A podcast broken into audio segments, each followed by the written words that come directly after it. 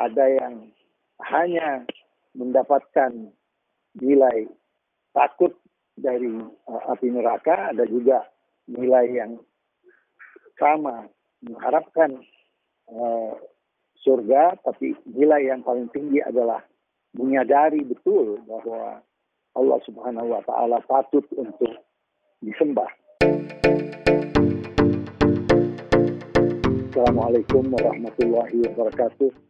Hari ini kita akan berbicara tentang kuasa dan raihan seorang yang berkuasa yang dijanjikan oleh Allah Subhanahu wa taala. Yang pertama, sebagaimana kita baca di dalam rangkaian ayat-ayat suci Al-Quran tentang puasa, Ya ayuhallazina amanu kutiba alaikum siyam kama kutiba ala allazina min qablikum la'allakum tattaqun. Telah ditetapkan bagi kalian untuk berpuasa sebagaimana yang telah ditetapkan bagi bangsa-bangsa sebelum kamu.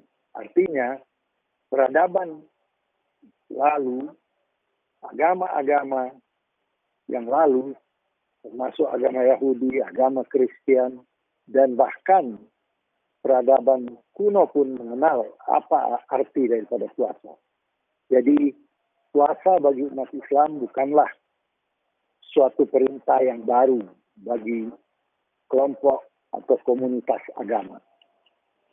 Nah, di dalam ayat tersebut disebutkan bahwa diharapkan dari orang yang berpuasa untuk meraih takwa. Apa yang dimaksud dengan takwa?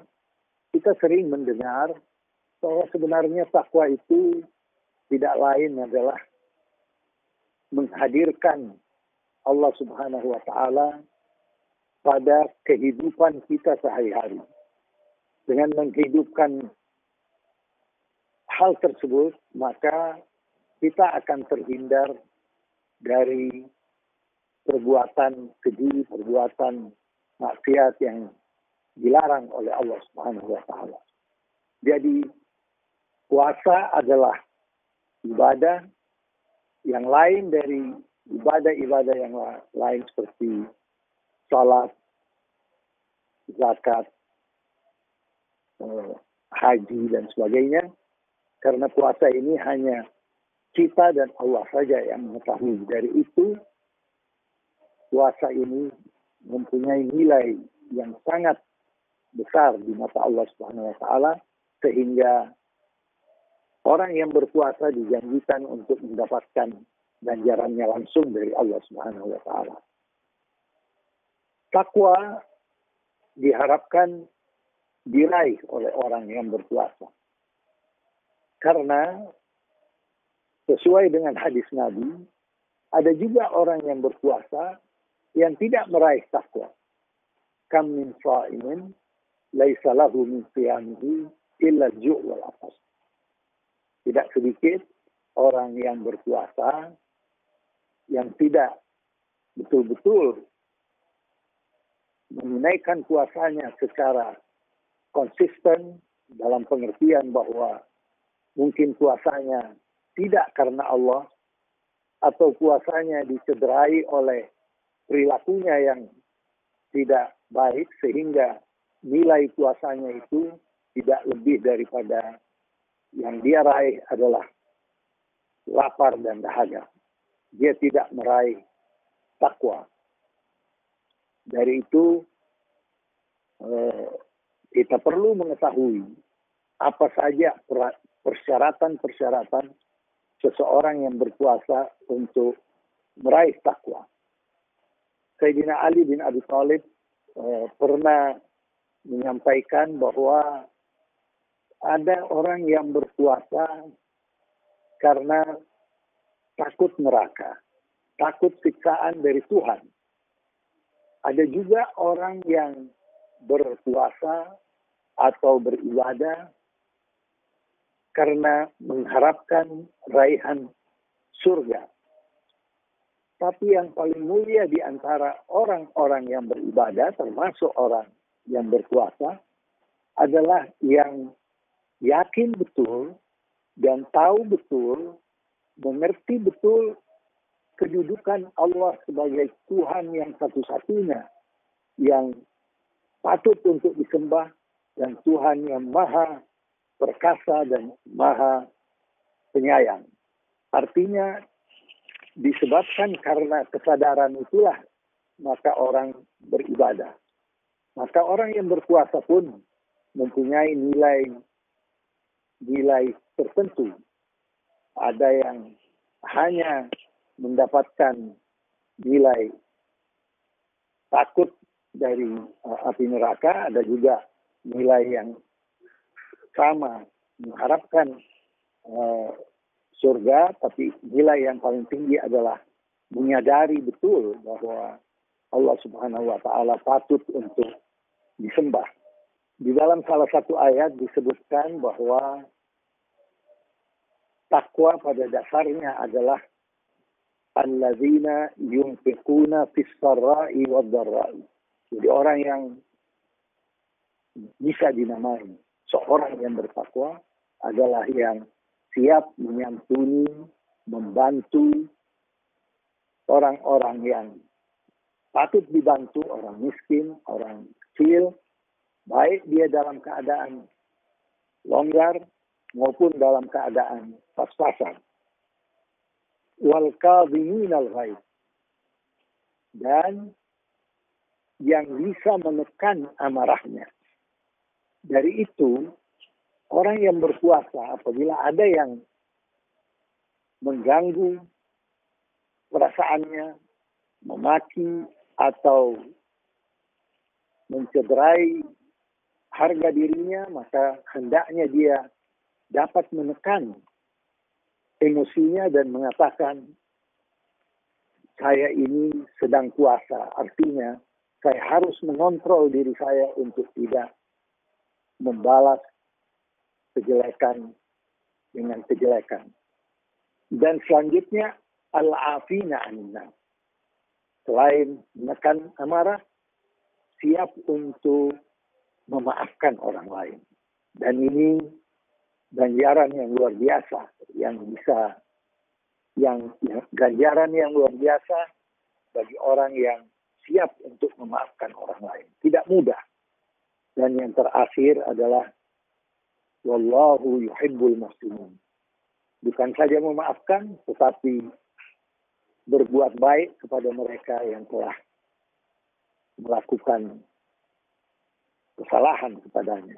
Ini adalah ciri daripada orang takwa.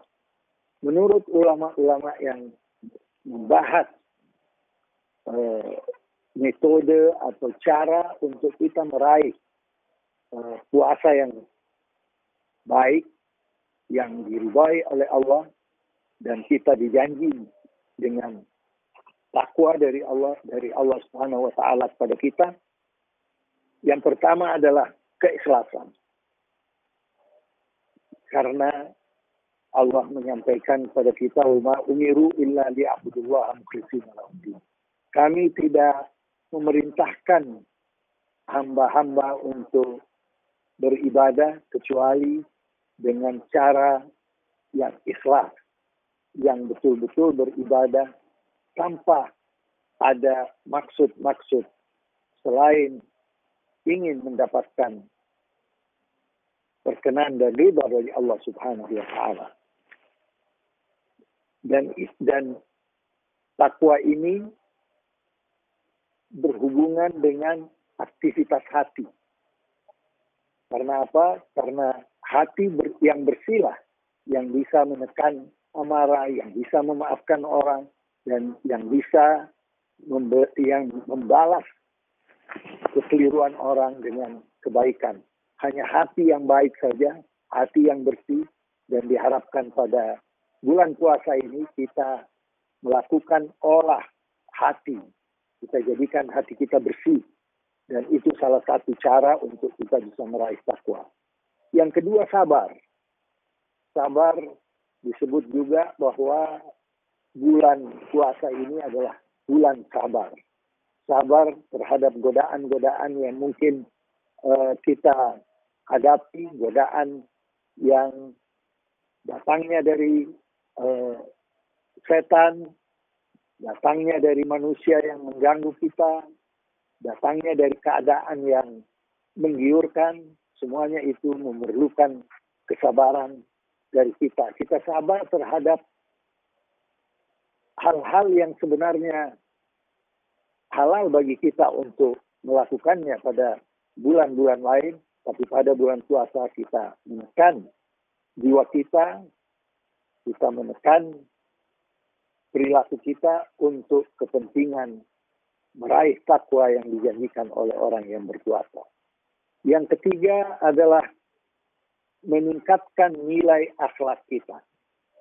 Nilai akhlak ini atau budi pekerti kita ini kita tingkatkan sehingga yang paling utama adalah jangan sampai kita terjerumus di dalam gonjang-ganjing atau menggunjing atau uh, berbicara jelek terhadap sesama kita.